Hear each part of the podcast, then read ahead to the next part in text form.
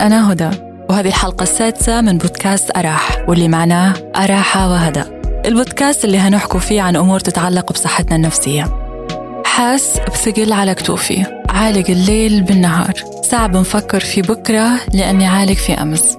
فكرة أني نصبي من سريري للحمام هذا إنجاز كبير بكل وإنجاز صعب في نفس الوقت.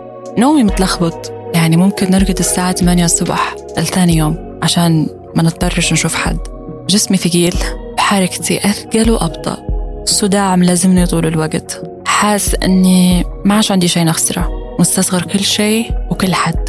طول الوقت بتنرجى في الساعة اللي روحي تطلع فيها. ومرات كنت مفكر ليش ما ناخدش أنا الخطوة هذه؟ غير البكاء الهستيري اللي بسبب واللي من غير سبب. مع أني أغلب الوقت أنا شخص بارد ومن غير إحساس. شعورين متناقضات تماما. نشوف فيها لي في حالة انهيار تامة على حالتي. بس أنا فاقد الرغبة في أني نشاركهم المشاعر هذه. لاحظت مع مرور الوقت أني شخص ما عندش أصحاب. يعني علاقتي الاجتماعية تكاد تكون صفر. ولما سألت أنا عن أكثر شيء يحبه فقد الرغبة فيه. يعني عشان نقيس درجة الاضطراب أو المشكلة اللي يعاني منها. قال لي الكورة هي الشيء الوحيد اللي كانت تطلع فيا من أي مود. بس للأسف مع مرور الوقت بطلت تدير أي مفعول. زي ما يقولوا هيك فقدت الشغف أو بطلت نحاول أصلا. للأسف اللي كنا نحكو عليه هذا هو الاكتئاب. الاكتئاب اللي قاعد يوقف في حياة ناس واجدة. عن إنها تعيش عن إنها تاكل عن إنها تمشي عن إنها تجدد علاقاتها مع الناس عن إنها تحاول أصلا تشوف شنو الشيء اللي يشبهها وتحاول إنها تقرب منه الاكتئاب يخليك فاقد الطعم واللون في الحياة. والأسباب واجد أنت ما تتصورهنش. بس شنو هو المفهوم العلمي للاكتئاب؟ هو اضطراب المزاج اللي يسبب شعور متواصل بالحزن وممكن يكون مصحوب بالشعور بالذنب ونقص تقدير الذات. يعني طول الوقت حاس إنك أنت أقل من أي حد في الدنيا. وتكاد ثقتك بنفسك تكون صفر. وعادة ما يصاحب المرض هذا مجموعة من الأعراض الجسدية زي تغير في شهيتك وغيرها يعني إفراط في تناولك للأكل بشكل مفرط أو انعدام الشهية ككل.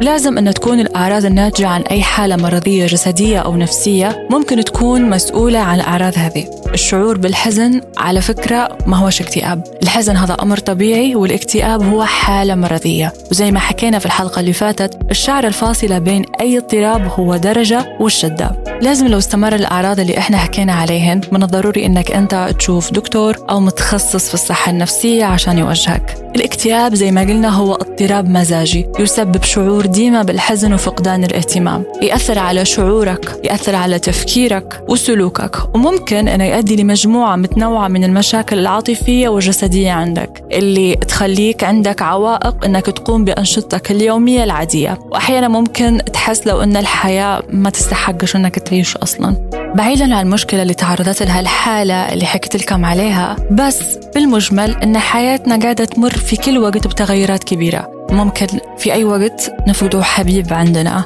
أو نخسروا وظيفة أو ننفصلوا عن شريك حياتنا أو نفشله. الفشل بمفهوم العام زي حالة رؤوف اللي ذكرت أعراضها. اسمه رؤوف. كان عبارة عن مراهق عمره 16 سنة يمارس في حياته بشكل طبيعي جدا بس حياته قررت تنقلب 180 درجة. لما لقى روحه راسب في المدرسة وده هلا ما يهونوا عليه انقلبوا عليه وعايروا بفشله الشيء هذا خلاه يخش في دوامة لمدة ست شهور كاملة بدون دراية واهتمام من الأهل. لأنه اعتقدوا أنه كان يكفر عن فشله بانعزاله. بعد ست شهور كاملة حالته استعصت عليه وما عادش قدروا يسيطروا عليه وكان الحل هو دوامة المصحات النفسية والأدوية اللي ما عادش انتهت. الطفل للأسف ما زلت نشوف فيه طفل. ما عادش قادر يعيش ولا يتحرك إلا بأدويته النفسية.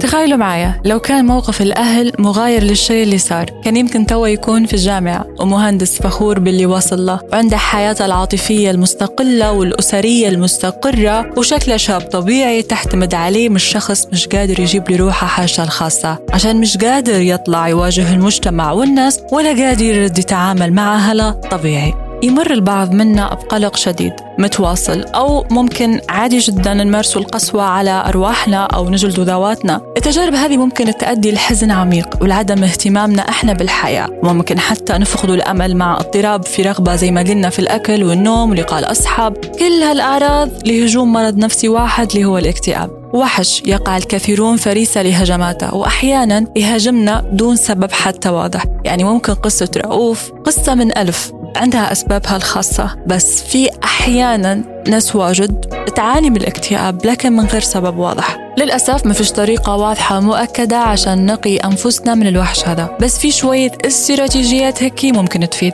أول حاجة خذوا الخطوات اللازمة عشان تتحكم في الضغط النفسي اللي أنت متعرض له. لزيادة المرونة وعشان ترفع حتى درجة تقديرك في ذاتك. تواصل ديما مع العيلة والأصحاب خاصة في الأوقات الأزمات عشان يساعدوك على الصمود أمام الصعوبات اللي أنت قاعد تواجه فيهن. ديما حاول أنك تحصل على العلاج لما تظهر عندك أول علامة على وجود مشكلة. والشيء هذا يساعدك في أنك أنت تمنع الاكتئاب من التدهور. فكر ديما في الحصول على علاج صياني مثلا طويل المدى عشان تساعد على منع انتكاس الأعراض.